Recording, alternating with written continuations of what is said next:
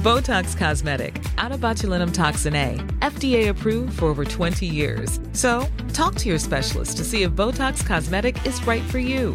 For full prescribing information, including boxed warning, visit BotoxCosmetic.com or call 877-351-0300. Remember to ask for Botox Cosmetic by name.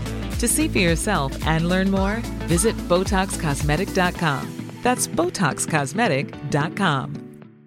This is Paige, the co-host of Giggly Squad, and I want to tell you about a company that I've been loving, Olive and June. Olive and June gives you everything that you need for a salon quality manicure in one box. And if you break it down, it really comes out to $2 a manicure, which is absolutely insane. It's also so easy to get salon worthy nails at home with Olive and June. The difference between how your nails used to look when you did them yourself and now with the Manny system is a complete game changer. The best thing about Olive and June too is it's a quick dry, dries in about one minute, lasts for five days, and full coverage in up to one to two coats. Visit oliveandjune.com slash perfect Manny 20 for 20% off your first system. That's oliveandjune.com slash perfect Manny 20 for 20% off your first system.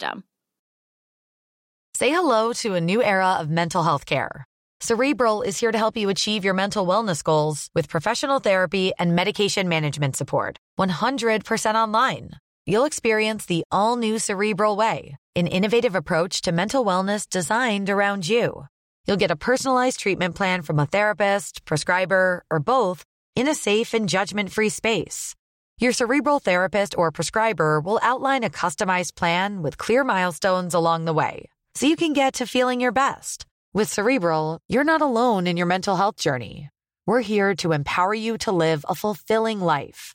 So take that first step towards a brighter future and sign up today at cerebral.com slash podcast and use code ACAST to get 15% off your first month. Offer only valid on monthly plans. Other exclusions may apply. Offer ends July 31st, 2024. See site for details.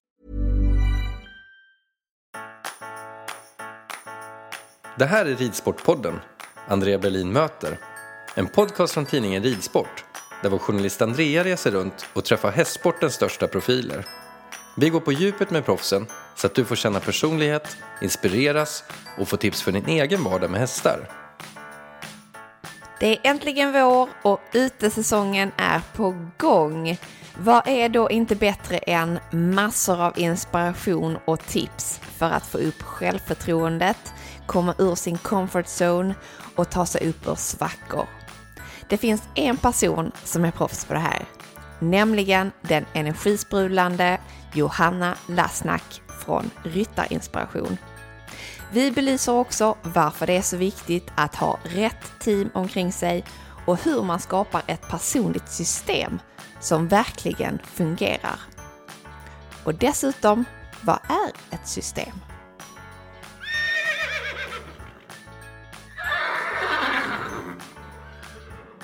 Hej Johanna, välkommen till podden. Tack så jättemycket. Kul att ha dig här. Jag vet ju att våra lyssnare uppskattar otroligt mycket när de får höra sådana här inspirerande avsnitt där de själva kan eh, ta till sig det vi pratar om och använda i sitt vardagsliv med hästar. Eh, och det är ju egentligen precis vad du mm, gör. Du driver någonting som heter Ryttarinspiration. Eh, kan du inte berätta vad det är för någonting? Eh, Ryttarinspiration är en eh, sida som inspirerar, kort sagt. Eh, finns på Facebook och även Instagram. Och jag eh, åker runt i Sverige till olika ridklubbar, föreningar och föreläser om att tro på sig själv, hantera misslyckande, behålla fokus eh, och så vidare. Jag eh, jobbar också som mental coach och har några adepter som jag, som jag coachar just inom samma ämne. Okej. Var detta någonting som du själv började med eller hur har intresset vuxit fram?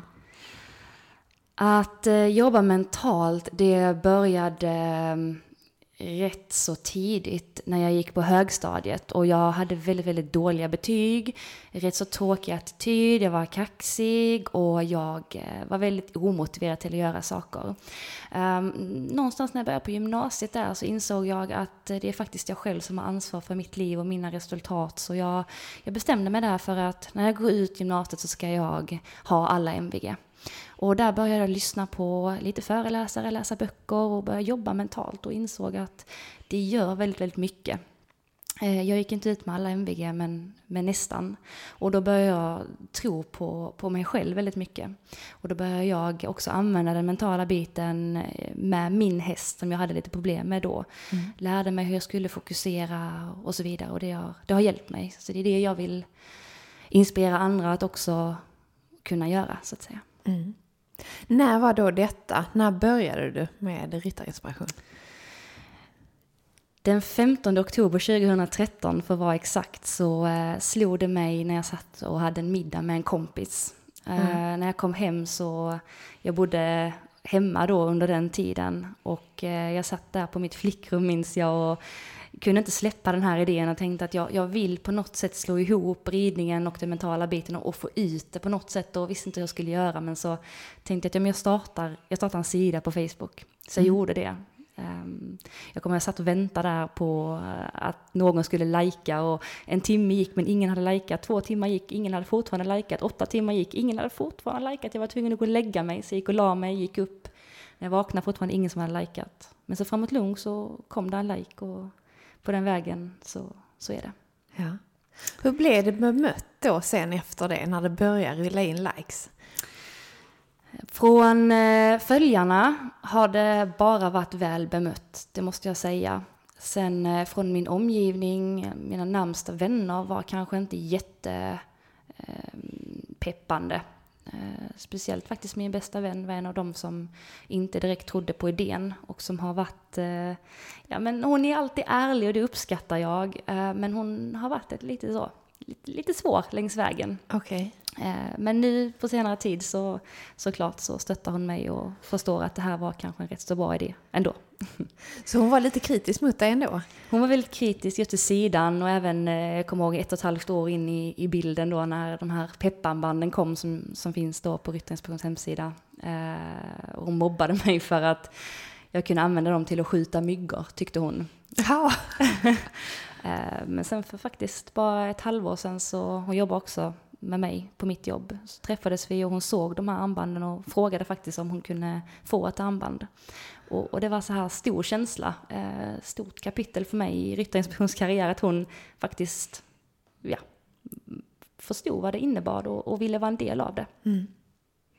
Så det peppade dig nästan ännu mer när någon kanske tryckte på lite? Och... Ja, Absolut. Ja. Jag har alltid haft den egenskapen att jag vill bara visa. Om det är någon som inte tror på det så vill jag bara bevisa det. Ja.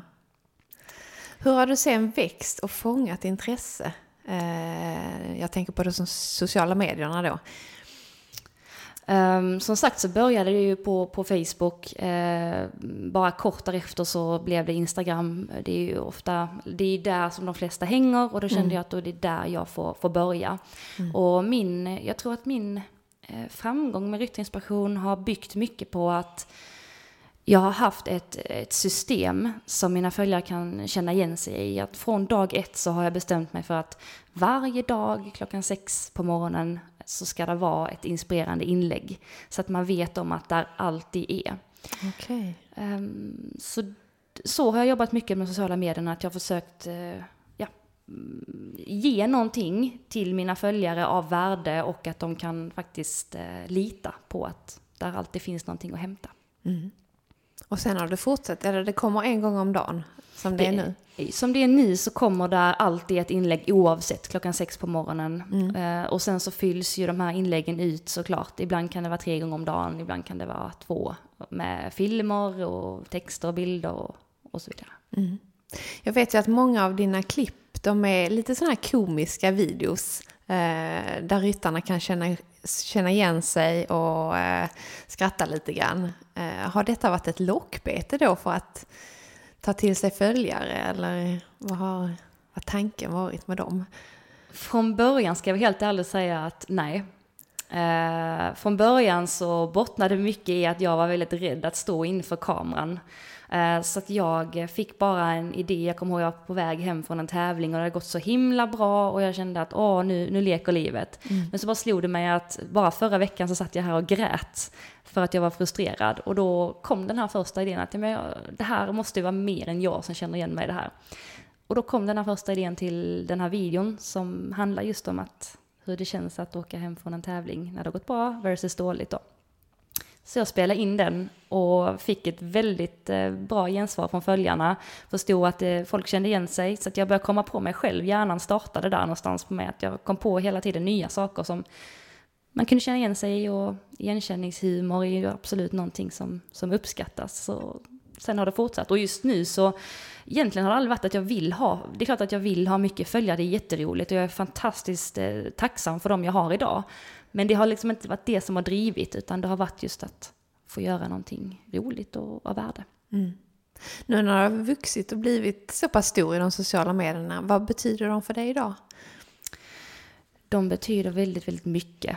Mm. Um, dels för att jag får göra det som jag tycker om, uh, att jag kan uh, bidra uh, med inspiration till andra. Och sen så om man tänker vad de bara har betytt för mig så har de även hjälpt mig när jag har haft jobbiga perioder i livet. Så har Ryttarinspirations sida även hjälpt mig att fortsätta. Eh, under tiden, precis innan jag startade Ryttarinspiration så förlorade jag min eh, storhäst som jag hade haft i många år och gjort stora framgångar på. Och det var, det var väldigt, väldigt tufft. Eh, jag hade ingen ekonomi att kunna skaffa någon egen och så vidare och det kändes väldigt mörkt. Eh, och då var jag nästan tvungen att inspirera mig själv varje dag eh, för följarnas skull. Jag menar, jag kunde inte sluta lägga upp eh, citat bara för att jag mådde dåligt. Så det var mitt ansvar.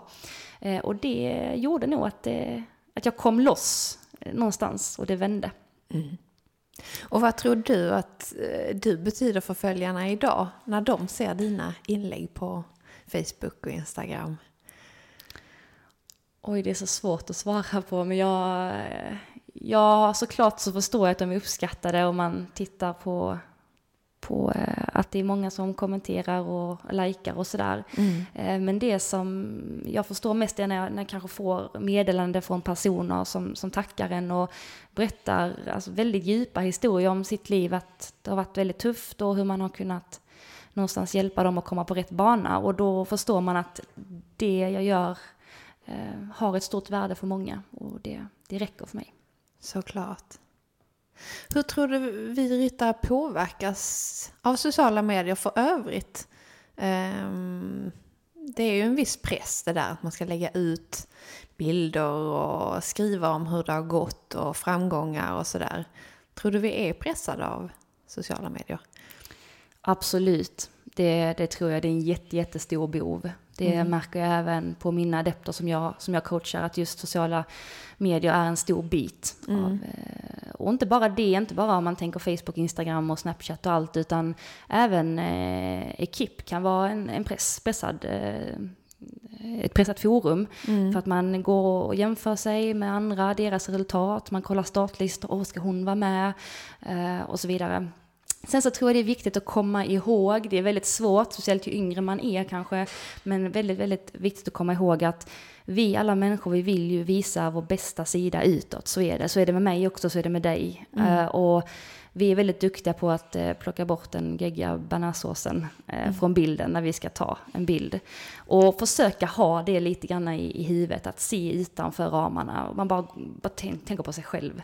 Vad hade jag själv gjort? Och så försöka rasera den där bilden som finns eh, och försöka fokusera på sig själv. Mm. Du är själv eh, hoppryttare och tävlar en del. Um, hur har den här ryttarinspirationen påverkat din egen ridning? Väldigt mycket. Jag var väldigt nervös förut innan jag hade börjat jobba mentalt och jag kom till tävling och visste egentligen inte vad det var jag skulle göra. Nej. Eh, när jag åkte hemifrån så visste jag, men när jag kom dit så var allt borta.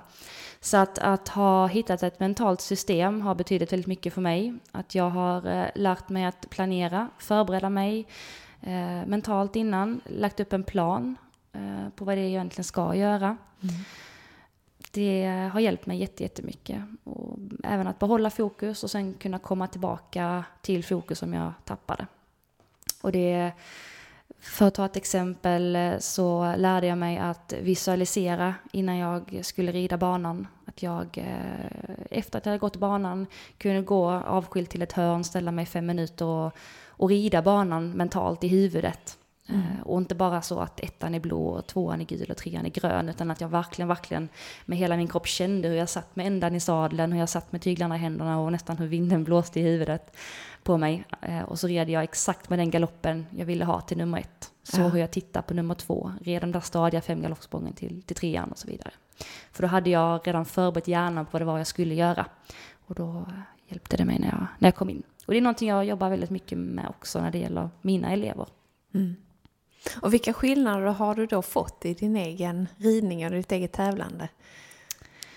Just bara det att jag kan komma till tävling och vara fokuserad eh, och eh, bry mig inte jättemycket om vad det är som händer. Att kanske att jag rider på framhoppningen och ska ta det där sista räcket och, och någon rider precis i vägen för mig så jag måste göra halt och avbryta.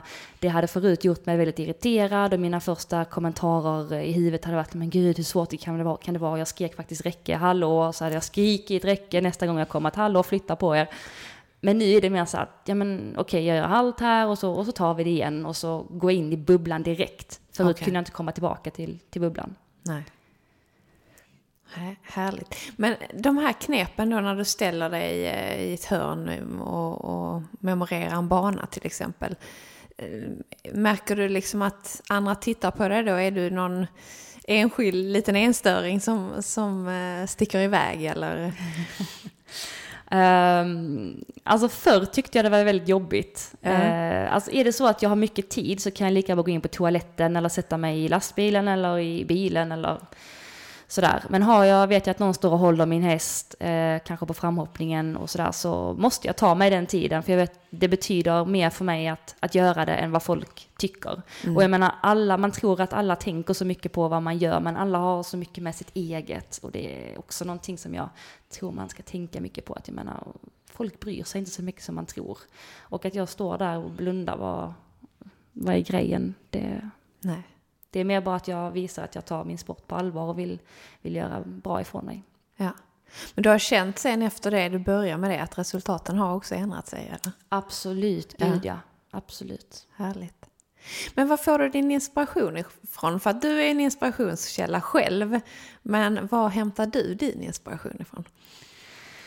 Jag eh, tycker det är en jätte, jättesvår fråga. För att jag tror att jag har försökt skapa någonting, eh, alltså ett, eh, mitt liv, eh, så att jag försöker vara inspirerad, alltså inte inspirerad hela tiden, men att jag tillåter mig att vara trött, jag tillåter mig ta en time-out om jag behöver, jag tillåter mig stänga av mobilen om jag behöver. Sen när jag försöker hitta inspiration så tittar jag på mycket YouTube-klipp. Jag kan lyssna på intervjuer från både ryttare, entreprenörer, kända människor. Jag läser mycket böcker. Jag går på föreläsningar, försöker hålla mig uppdaterad.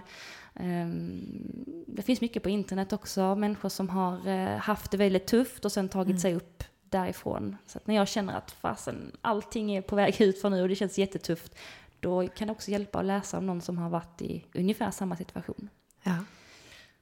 Hur viktigt tycker du det är att ha en förebild? Jag eh, har väl fram till nu inte själv haft någon jättestor förebild.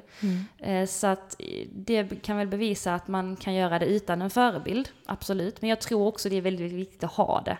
Eh, ha någon man ser upp till, som man kan titta på, eh, som har gjort det som jag vill göra. För kan den personen med sin kropp, sina armar, sina ben göra det, så kan jag också. Eh, Och då kan det vara rätt så vettigt att lyssna på den personen och se hur har den gjort, hur tänker han eller hon här? Och också en sak när man kanske inte är med sin förebild att man kan tänka, ja men hur hade han eller hon gjort i den här situationen? Det kan hjälpa mig jättemånga gånger att jag tänker på, men om jag behöver typ strategiknep eller fokusknep eller ekonomiknep eller vad det nu kan vara, så går jag till en förebild jag har inom ämnet och bara, men hur, hur hade den här personen gjort? Så kan det hjälpa mig att lösa upp min tankebana, ta ett beslut. Vad är det vanligaste problemet, om man får säga så, när de kommer till dina föreläsningar? Jag eh, tror att det absolut största problemet är eh, att man har svårt att fokusera på tävling. Och framför allt på framhoppningen. Okej. Och jag tror att det är lite olika på var jag kommer, för pratar man kanske med någon som är lite yngre och kanske inte är på den absolut högsta nivån, så handlar det mycket om vem det är som sitter på läktaren och mm. man tänker att men, åh, hon rider så himla bra, åh, den ponen är så söt och man blir arg för mamma och pappa säger någonting och sådär och det blir stökigt.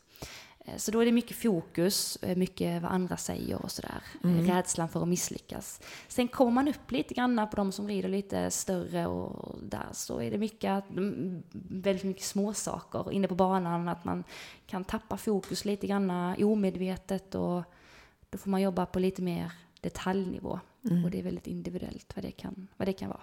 Mm. Hjärnspöken också är en annan. Mm. Mycket handlar ju om glädje och energi och sådär när du föreläser. Är du så som person också? det är jag nu eh, och har varit det under väldigt många år. Eh, och jag utvecklas ju också ständigt och blir såklart både, ja men jag utvecklas och blir bättre på saker och ting och hittar nya egenskaper hos mig själv hela tiden. Men eh, ja, så som jag är utåt på sociala medier och på mina föreläsningar är jag själv. För det är ju också någonting jag som, eller det är någonting som har varit ett mål eller en eftersträvan för mig att alltid vara samma. Oavsett om jag är på scen eller av scen, om lampan är tänd eller lampan är släckt, att jag alltid är samma. För att är jag det så behöver jag inte oroa mig så mycket. Att jag försöker vara sann mot mig själv. För jag är sann mot mig själv så kan jag vara det åt andra också. Eh, men jag har inte alltid varit så här såklart. Jag har fått jobba väldigt mycket. Eh, ändrat inställning, ändrat och pushat mig själv och gått utanför min comfort zone oändligt många gånger för att våga också vara så här. Mm. För hur viktig del är det med glädje och humor och sånt där när man ska jobba med sig själv? Det tror jag är jätteviktigt. Mm. Jätteviktigt. Att inte ta allting för blodigt. Mm.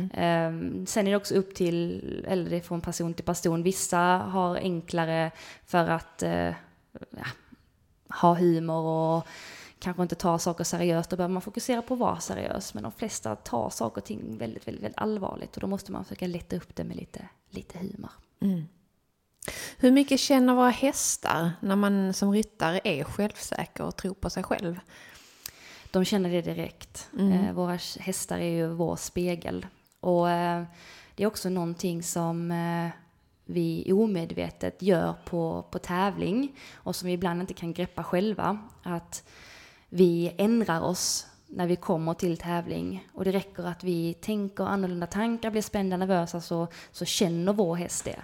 För vi måste också komma ihåg att vår häst, den, vi kan inte prata med den med vår röst och säga så här är det, utan den känner våra ben, den eh, känner av läget, energier. Och så fort vi då gör någonting lite annorlunda gentemot det vi brukar, så känner den det direkt. Och det är då vi brukar säga, ja men åh, han kände så spänd på framhoppningen, han var så himla stel på framridningen. Ja. För att vi har ändrat oss. Så att försöka ha ett system också med sin häst, att alltid vara samma, göra samma. Eh, likadant som man gör hemma, som på tävling, som om det är en lokal tävling, som om det är en internationell tävling. Har ingen betydelse.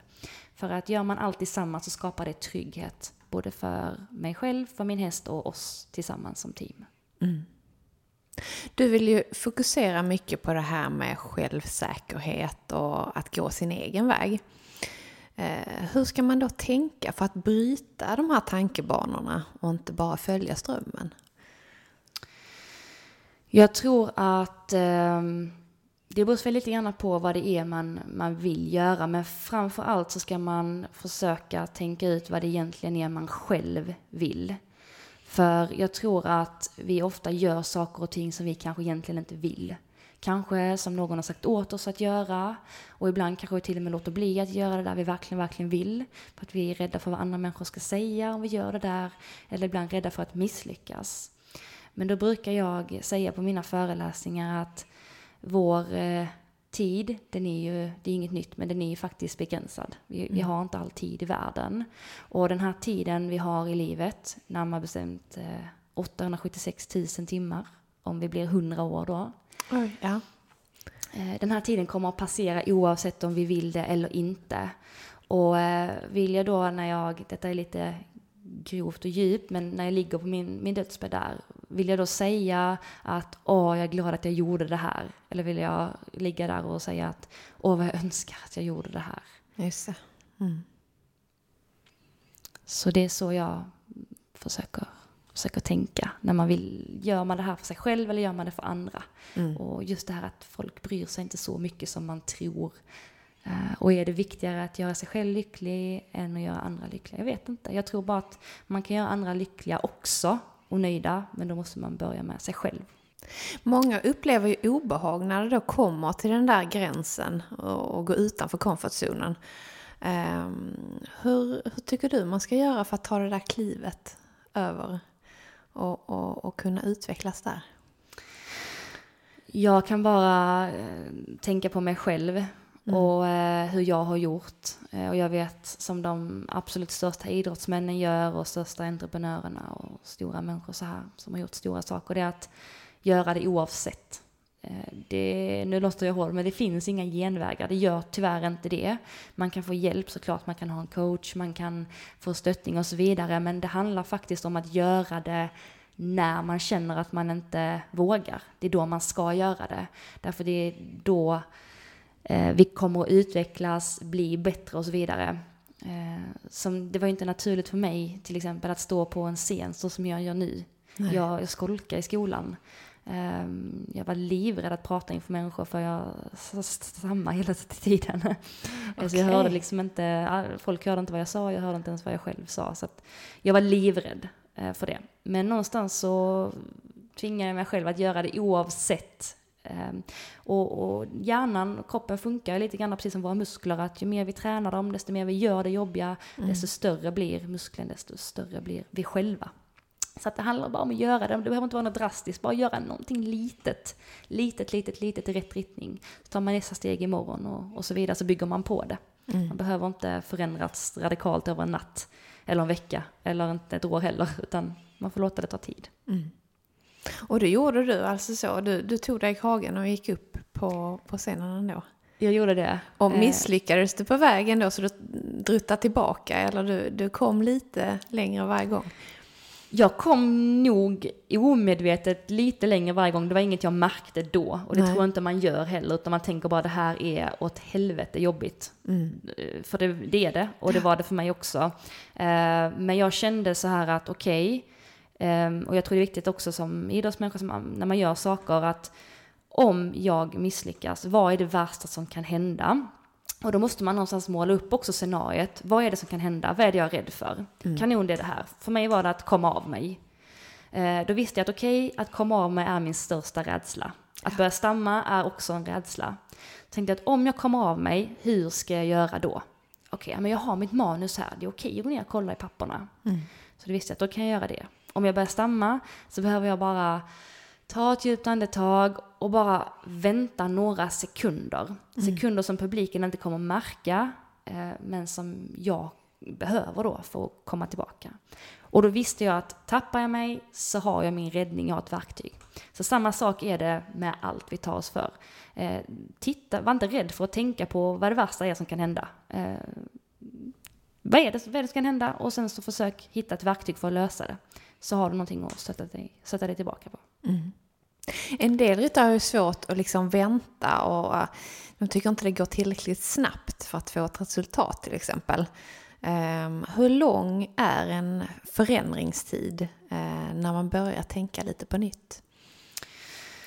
Ehm, oj, det har pratats väldigt mycket om man kollar eh, forskning och så vidare. Allt från 21 dagar till eh, tre månader. Ehm, så att jag eh, vet faktiskt inte och jag tror inte egentligen det finns något svar. Eh, men jag brukar ta ett år ungefär som ett mått. Och Okej. när jag pratar om, om förändring och att eh, just våga göra någonting litet, litet under en längre tid. För det är just det som, som föder framgång. Ehm, och det handlar om att göra, om vi tar ett år som ett exempel, det handlar om att göra något så litet, litet varje dag. Så enkelt att göra så det är lika enkelt att inte göra. Så vi gör ofta inte det. Men tar vi då ett exempel, eh, till exempel om jag vill få en bättre sits så kanske jag eh, ska träna på att rida utan stigbyglar till exempel. Och i vanliga fall brukar man kanske gå ut stenhårt och bara yes nu ska jag få bra sits. Så ser jag rider utan stigbyglar 20 minuter första dagen, 20 minuter andra dagen. Sen träningsverk så jag rider 15 minuter, 10 minuter, 5 minuter och så efter två veckor så gör jag inte det längre. Men istället för att gå in i den fällan så att man tar, säg fem minuter, så fem enkla minuter varje dag och släpper stigbyglarna under ett år. Och gör jag det så kommer ju såklart min sits se väldigt mycket annorlunda ut efter ett år, rätt så ordentligt. Och vad har jag gjort för att förtjäna det resultatet? Egentligen inte mycket. Jag har ridit fem minuter varje dag. Det är så enkelt att göra så det är precis lika enkelt att inte göra. Så ofta gör vi inte det. För vi tänker att fem minuter, vad, vad gör det? Nej, det gör ju ingenting idag eller imorgon eller om en vecka. Men över tid så gör det det. Och det är det som är, som är nyckeln, att våga vänta på processen, för processen kommer. Gör jag jobbet så kommer det. För det kommer aldrig ske över en natt. Det, det gör det bara på film. Man måste vara väldigt tålmodig med andra ord. Tålmodig och beslitsam, men inte, behöver inte pressa sig så extremt hårt alla gånger, utan som sagt bara gör någonting litet. Känner du inte för att gå ut och eh, rida idag som du har sagt, gör det ändå. Botox Cosmetic, botulinum toxin A, FDA approved for over 20 years. So, talk to your specialist to see if Botox Cosmetic is right for you. For full prescribing information, including boxed warning, visit BotoxCosmetic.com or call 877-351-0300. Remember to ask for Botox Cosmetic by name. To see for yourself and learn more, visit BotoxCosmetic.com. That's BotoxCosmetic.com. på. Um, Känner du inte för att mocka hagen som du sa, nej men mocka inte hela hagen men gå ut och gör en liten del så du gör något i rätt riktning i alla fall. Just det. Det här handlar ju mycket om att göra saker för sig själv och inte vad andra tycker. Ehm, vad har andras åsikter för påverkan på våra prestationer och hur vi agerar tror du? Jätte, jättestor. Ehm, väldigt, väldigt stor. Och det är ofta andra människors åsikter som begränsar oss och inte vågar ta det där steget till att kanske göra det där som jag verkligen vill. Och ehm, det är också någonting jag brukar prata om att för det kommer ju alltid finnas människor som inte tycker som vi eller stöttar oss och det kommer alltid finnas människor som tycker att vi är för unga eller för gamla, för långa, för korta, för smala, för tjocka, för tajta ridbyxor. Ehm, Men att när någon säger någonting innan man lyssnar, titta på personen först. Har personen gjort det jag vill? Oftast inte. Därför att hade personen gjort det så hade den personen aldrig talat om för mig att jag inte kan eller borde. För personen hade ju själv varit ett exempel på att det faktiskt gick. Eh, Så ofta personer då som säger att man inte kan eller borde kanske är, är personer som själv aldrig hade vågat göra det jag vill. Och vill tala om för mig att jag inte kan eller borde. Eh, För att det finns ett språk, eller ett ordspråk som heter eh, Jag vill gärna att det ska gå bra för min omgivning så länge inte det går bättre för dem än för mig själv. Och det är lite så, tyvärr. Eh, Så att innan, innan man lyssnar, titta på personen. Eh, om den har gjort det. Är den här, perso- är den här personen vettig att ta råd ifrån? Eh, är den inte det så det är precis lika löjligt som att säga att om jag vill bli hockeyproffs, då går jag inte till en golfspelare och, och ber om råd. Eh, så att eh, man kan också tänka på den här personen som står och säger till mig att jag inte kan eller borde. Eh, det är ju inte ens den personen som ska göra jobbet. Det är ju inte det. Det är inte den personen som ska gå upp fem på morgonen, åka till stallet, fodra alla hästar, mocka alla boxar, packa allting, åka till tävling, tre timmar, passera två minuter, åka tre timmar hem igen, mocka resten av boxarna, åka hem, göra läxorna, sova några få timmar, gå upp igen, göra läxorna, så man inte hann kvällen innan, åka till skolan och så dem igen. Det är inte den. Så att innan man lyssnar nästa gång så, så tänk, vem är det jag tar råd ifrån? Då är det väldigt viktigt, då kommer vi in, som vi pratade lite grann om, att, att ha en förebild. Titta på den personen, hur gör den? Det är kanske den personen jag ska ta råd ifrån som har gjort det jag vill, inte någon annan. Men när man då går in och fokuserar lite mer på sig själv då, eh, då kanske man blir lite rädd för att vara lite för divig eller lite för självupptagen och sådär. Hur ska man tänka där för att få balans? Oj, det, det var väldigt, väldigt svår fråga. Ehm, jag tror inte att det hör till samma sak. riktigt. Jag, som jag sa lite grann tidigare så tror jag det är viktigt att man eh, tar hand om sig själv innan man kan göra det om någon annan. Mm. Jag tror det är viktigt att vara ödmjuk mot sig själv innan man kan vara ödmjuk mot någon annan och så vidare. Så eh, är jag ärlig mot mig själv och jag är ödmjuk, jag är tacksam för det jag har och så vidare och gör mitt bästa varje dag med det jag har, även om jag kanske önskar att jag hade annorlunda, så, så tror jag att det är väldigt svårt att uppfatta som divig, utan tvärtom att man är fokuserad på det man ska göra eh, och är ödmjuk inför andra och det man ja, lyckas med. Mm. Och så vidare. För vi får inte glömma att alla, vi, alla människor är så himla olika. Vi i vår sport, vi har så många olika förutsättningar. Eh, någon kanske har en häst och önskar att de hade två. Någon kanske inte har en häst ens. Eh, någon har en stöttande familj som bara sponsrar och fixar och skjutsar och lämnar och hämtar och sponsrar och någon kanske inte har det. Eh, så det, det, har faktiskt ingen betydelse vem som har vad, utan vad som har betydelse det är vad man, vad man gör med det man har. Liksom, just, ja. just nu.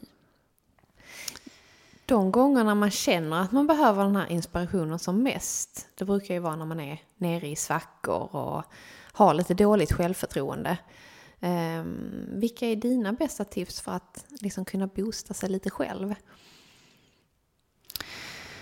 Jag tror att det är väldigt viktigt att titta tillbaka på vad det är man egentligen har gjort fram till idag. Mm. Eh, vilken resa är det jag har gjort? Vad är det egentligen jag har lyckats med? För ofta glömmer vi det när vi hela tiden är på väg mot nya mål och nya resultat hela tiden. Men titta, vad är det faktiskt jag har gjort? Och sen så är det en del av livet, en del av ridningen, att ha de här svackorna. Och eh, det är ju som så här att vi alla människor har de svackorna.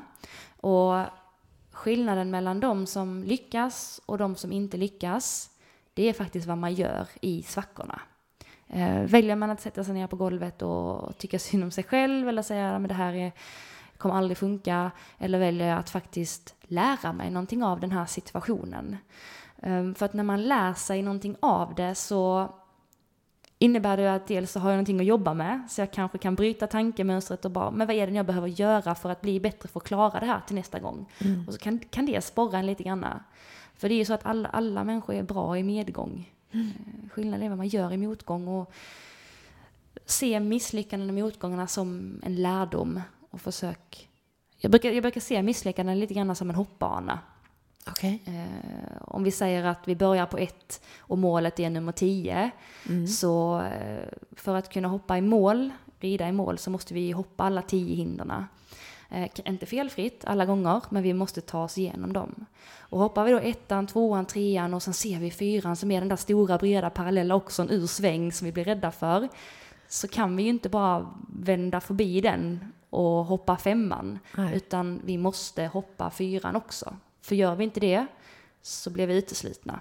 Då kommer vi inte i mål. Nej. Så att ta oss över den där oxen. Eh, vi behöver inte hoppa den felfritt, men så länge vi försöker hoppa den och göra det så bra som möjligt. Och vi behöver inte lyckas första gången, vi har fler försök på oss. Men bara man inte vänder ifrån, utan hoppar över. Mm. Inte se det som sista gången man ska göra någonting heller. Precis. Mm. Eh, hur mycket måste man jobba med tankarna själv? Jag tänker omgivningen påverkar väl en hel del. Familjen och hästarna och tränaren och hur mycket hjälp behöver man utifrån? Ehm, jag tror det är väldigt viktigt att ha en familj och en vänskapskrets som kanske inte alla gånger eh, stöttar. Självklart önskar man ju att det var så och mm. det är ju det mest optimala. Men att man i alla fall försöker ha en familj som har förståelse för det man gör. För vår eh, sport har väldigt mycket tid och eh, familj, eh, både man pappa och syskon, ja barn om man har det eller speciellt sambo då, eh, kan ju bli rätt så drabbade av mm ja, men bara, nu blir det lite humor, men, men att man kommer sent till middagen eller att man säger att man kommer och så gör man inte det förrän fyra timmar senare. Eh, det krävs i tålamod. Ja. Men att man har förståelse för sin, eh, att, eller att omgivningen har förståelse för det man gör tror jag är viktigt. Mm. Och sen att man har en tränare som man ser upp till, som tror på en när man själv kanske inte tror på en. Så att man omger sig med, med bra människor, människor som kanske till och med är lite bättre än vad jag är. Eh, inte som människa, men som, på det jag vill bli bra på. För när jag är med människor som är bättre än mig själv i inspirerande miljöer så blir jag ju bättre själv. Mm. Det kan vi bara tänka när vi till exempel är på Falsterbo eller Skandinavien eller Friends. Att man blir ju inspirerad och när man kommer hem så visst rider man ju lite bättre. Ja, visst. För att man har varit i den här miljön som inspirerar. Ja. Misslyckanden är inte motsatsen till framgång, det är en del av den. Det är ett citat från dig. Ehm, men varför är vi då egentligen så rädda för att misslyckas? Jag tror att det handlar, eh, där kommer väl lite grann av det här sociala medierna in också. Mm. Eh, att man vill inte att omgivningen ska se att man har misslyckats. För man, man känner att det kanske är pinsamt, att det är lite skamset, att man vill ju faktiskt kunna leverera sådär som de kanske de andra gör. Eh, så jag tror att det kan vara någonting som har med rädslan att göra. Också att man inte känner att man är bra nog. Man tog sig faktiskt an den här uppgiften, man ville göra sitt bästa men så, så lyckades man inte. Och då, det är ju faktiskt som så här att hästarna för oss, det är ju livet. Och funkar det inte där, så vad ska jag då vara bra på? Det, det blir väldigt tufft när det går dåligt i vår sport som vi tycker om så mycket. Ja. Eh, så att man känner sig misslyckad och, och så vidare själv. Men jag tror det är viktigt att försöka hålla isär sig själv och sen prestationen. För prestationen är ju en sak. Att jag blev utesluten på det där hindret, det är en sak. Men jag är ju inte misslyckad för det. Utan det jag gjorde var kanske ett misstag, absolut. Men det var ju någonting jag kunde lära mig av det. Eh, för att när vi misslyckas så är det en lärdom. Vi lär oss någonting.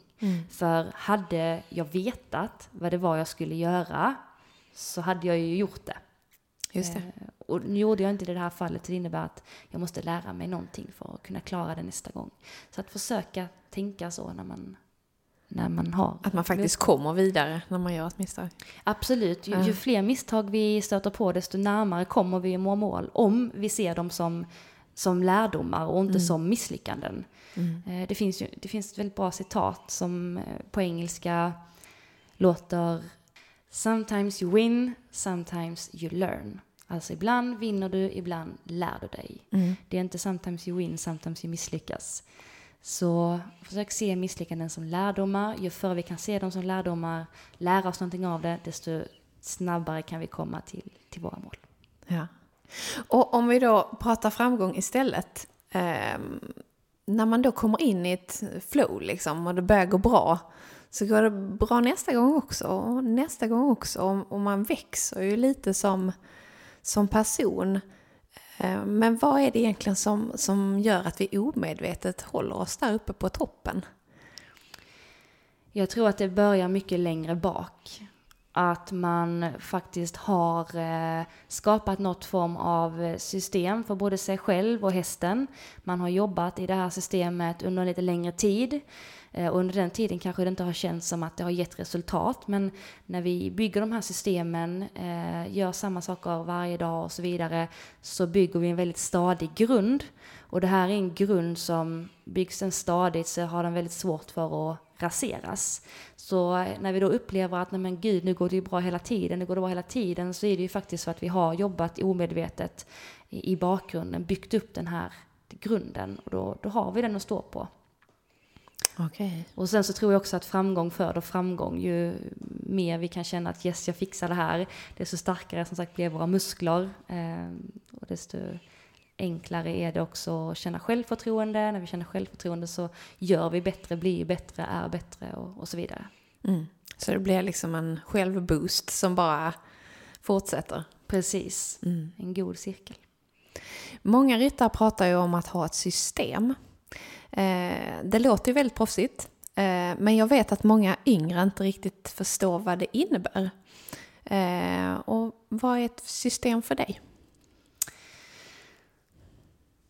System eh, finns ju väldigt många olika varianter och eh, nu fokuserar jag på den mentala, eller det mentala systemet. Sen finns det system med, med i stallet, med tävlingsrutiner och så vidare. Men om vi går in på den mentala biten och för att ta ett exempel så kan det vara att man har en rutin, system kan man säga är en rutin, rutiner som bildar trygghet. Och att man har samma rutiner för hästen när man kommer till tävling till exempel.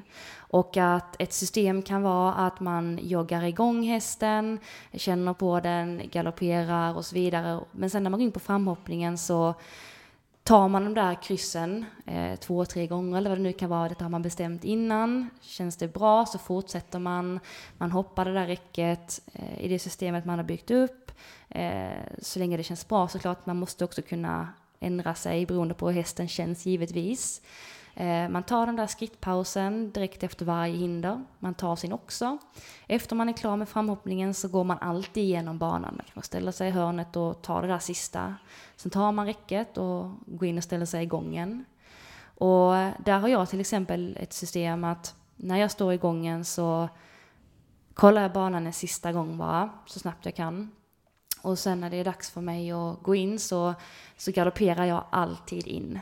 Mm. Så att min häst vet om att jag galopperar alltid in. Mm. Jag galopperar runt lite grann. Eh, om det är någonting jag behöver visa gör jag det. Behöver jag rida in i något hörn gör jag det. Det har jag bestämt innan. Men sen skrittar jag. Och jag skrittar tills jag får startsignal. För då vet han om att när jag startar, när jag börjar galoppera, så är det dags. Det. Och, och det var någonting som till en början jag inte märkte någon skillnad på. Jag tänkte, men varför ska jag göra det här?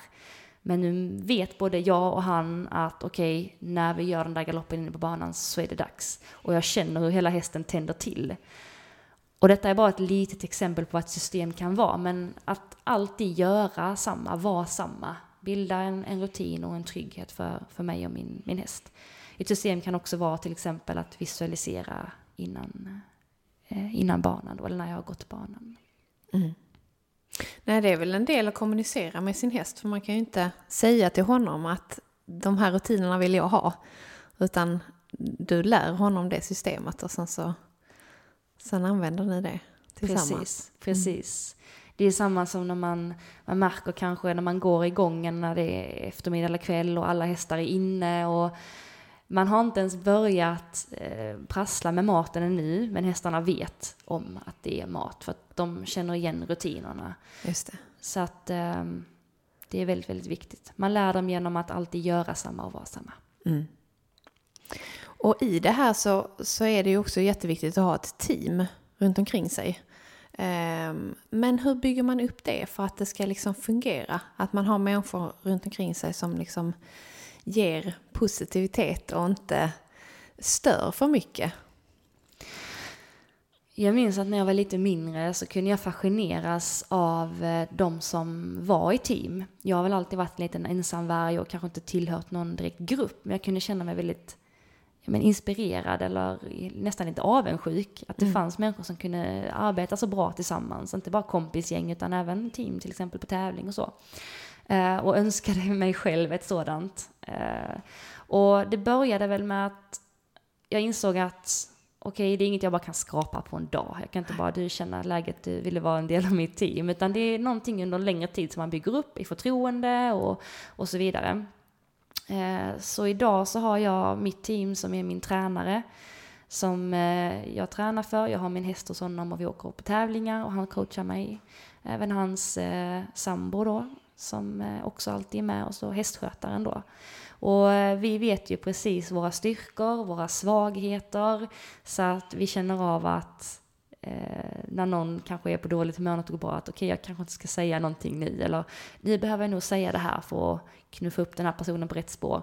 Eh, det är sånt som kommer naturligt, men det här teamet är ju inte någonting som bara har kommit, utan man börjar med att försöka hänga i miljöer som är inspirerande.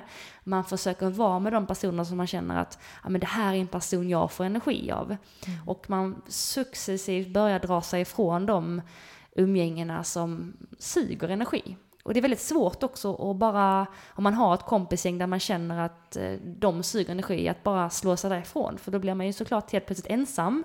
Men är man i den situationen, det här är verkligen ett råd till, till alla som, som lyssnar på det här, som jag vet många sitter i den situationen, att man eh, känner att man inte är på rätt ställe, kompisarna kanske drar ner en och så vidare, men man vågar inte lämna.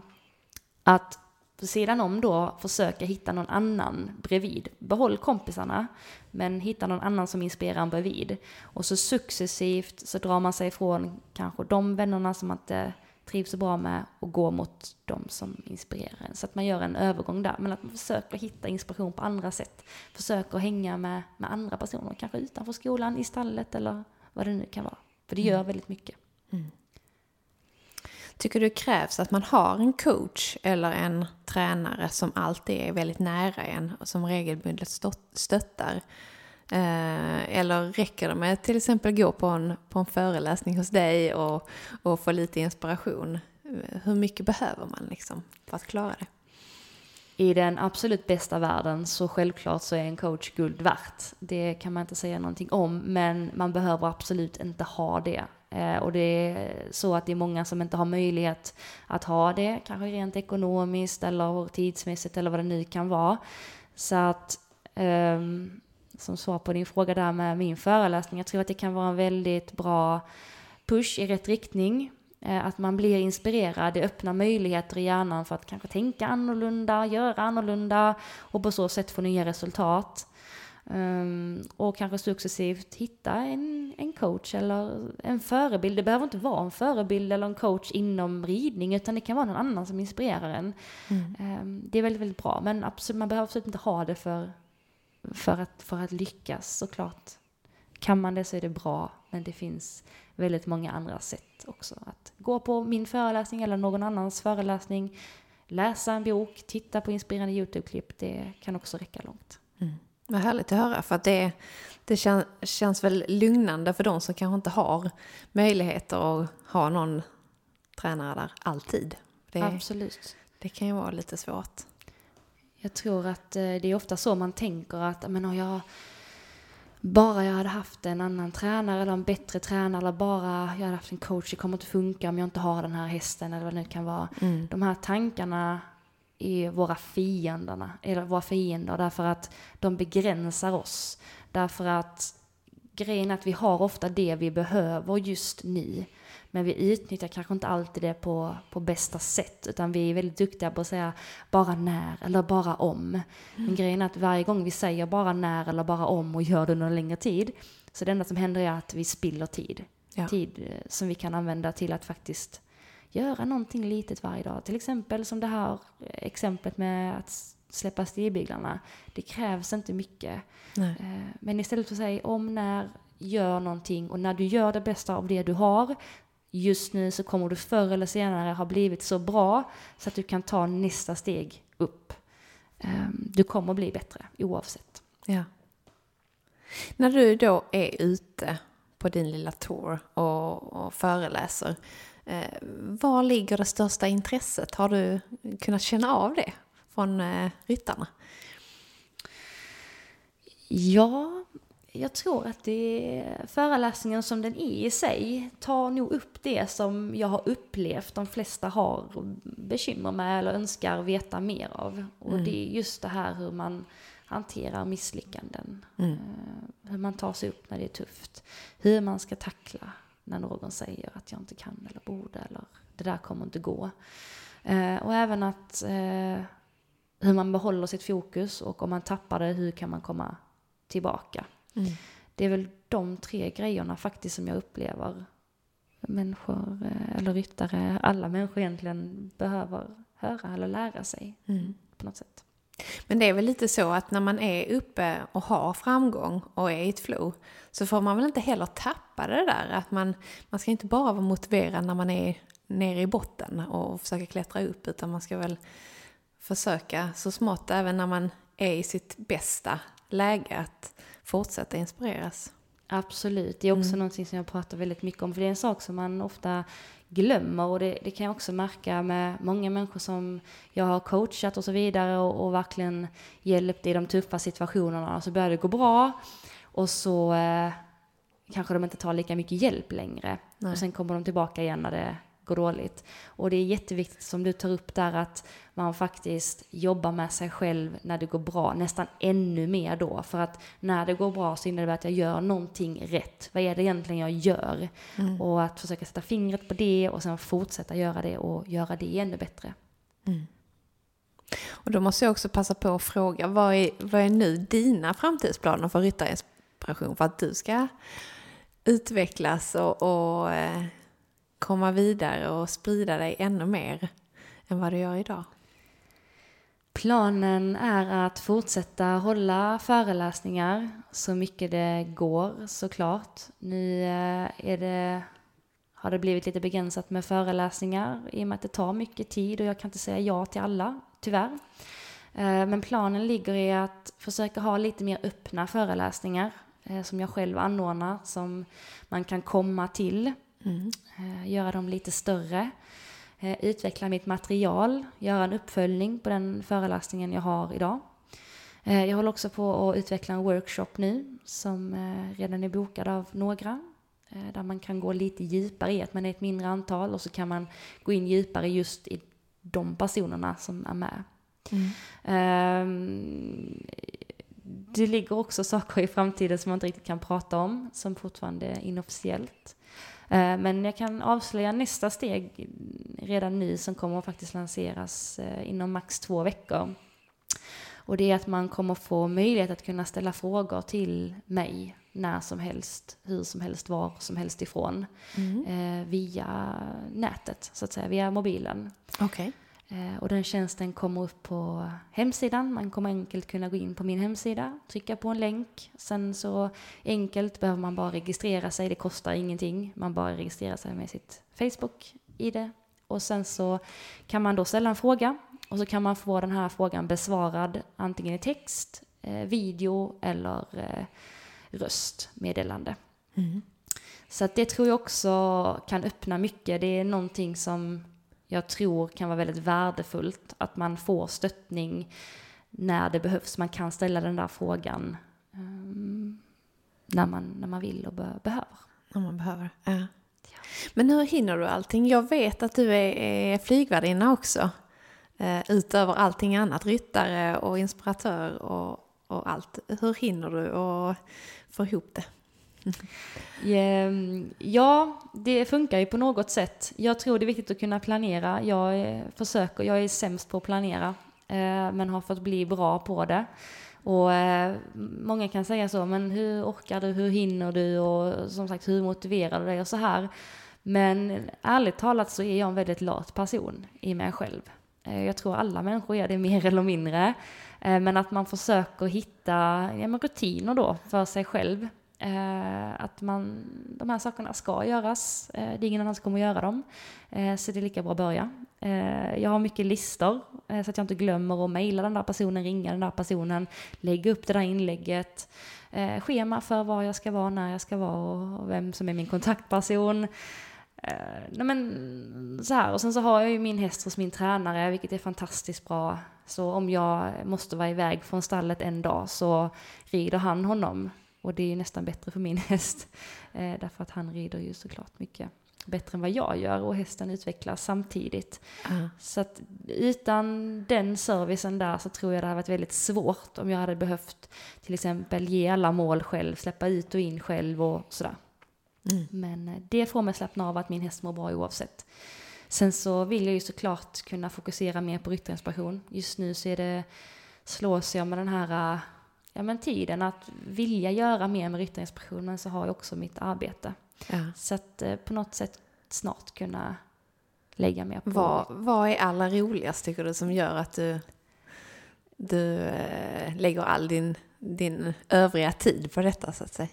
Eh, det är, ja, men det är det här att få åka ut och, och, och träffa människor, eh, kunna bidra med någonting och se det här hos människor när man, bara man ser den här blicken, det tänder till någonting i ögonen eh, på någon som sitter i publiken och någon som kanske kommer fram och säger att eh, vet du vad, jag, jag lyssnade på dig för eh, ett halvår sedan och jag var livrädd för att göra det här men jag gjorde det och det är tack vare de tipsen som jag fick.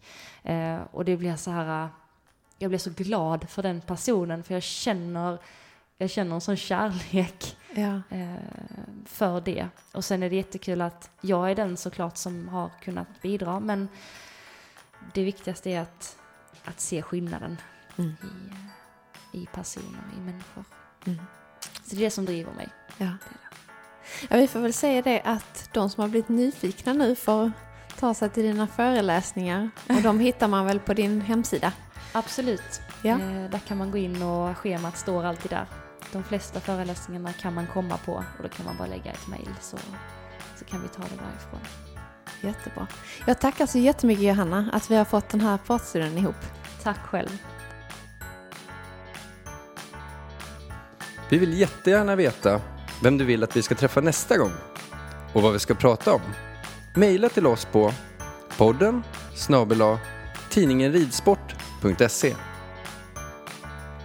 Programmet producerades av Lavaletto. Tidningen Ridsport. Allt du behöver veta om sport, avel och nyheter. Prenumerera du också.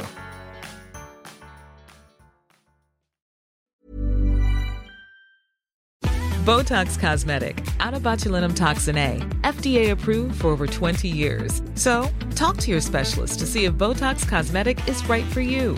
For full prescribing information, including boxed warning, visit BotoxCosmetic.com or call 877-351-0300. Remember to ask for Botox Cosmetic by name.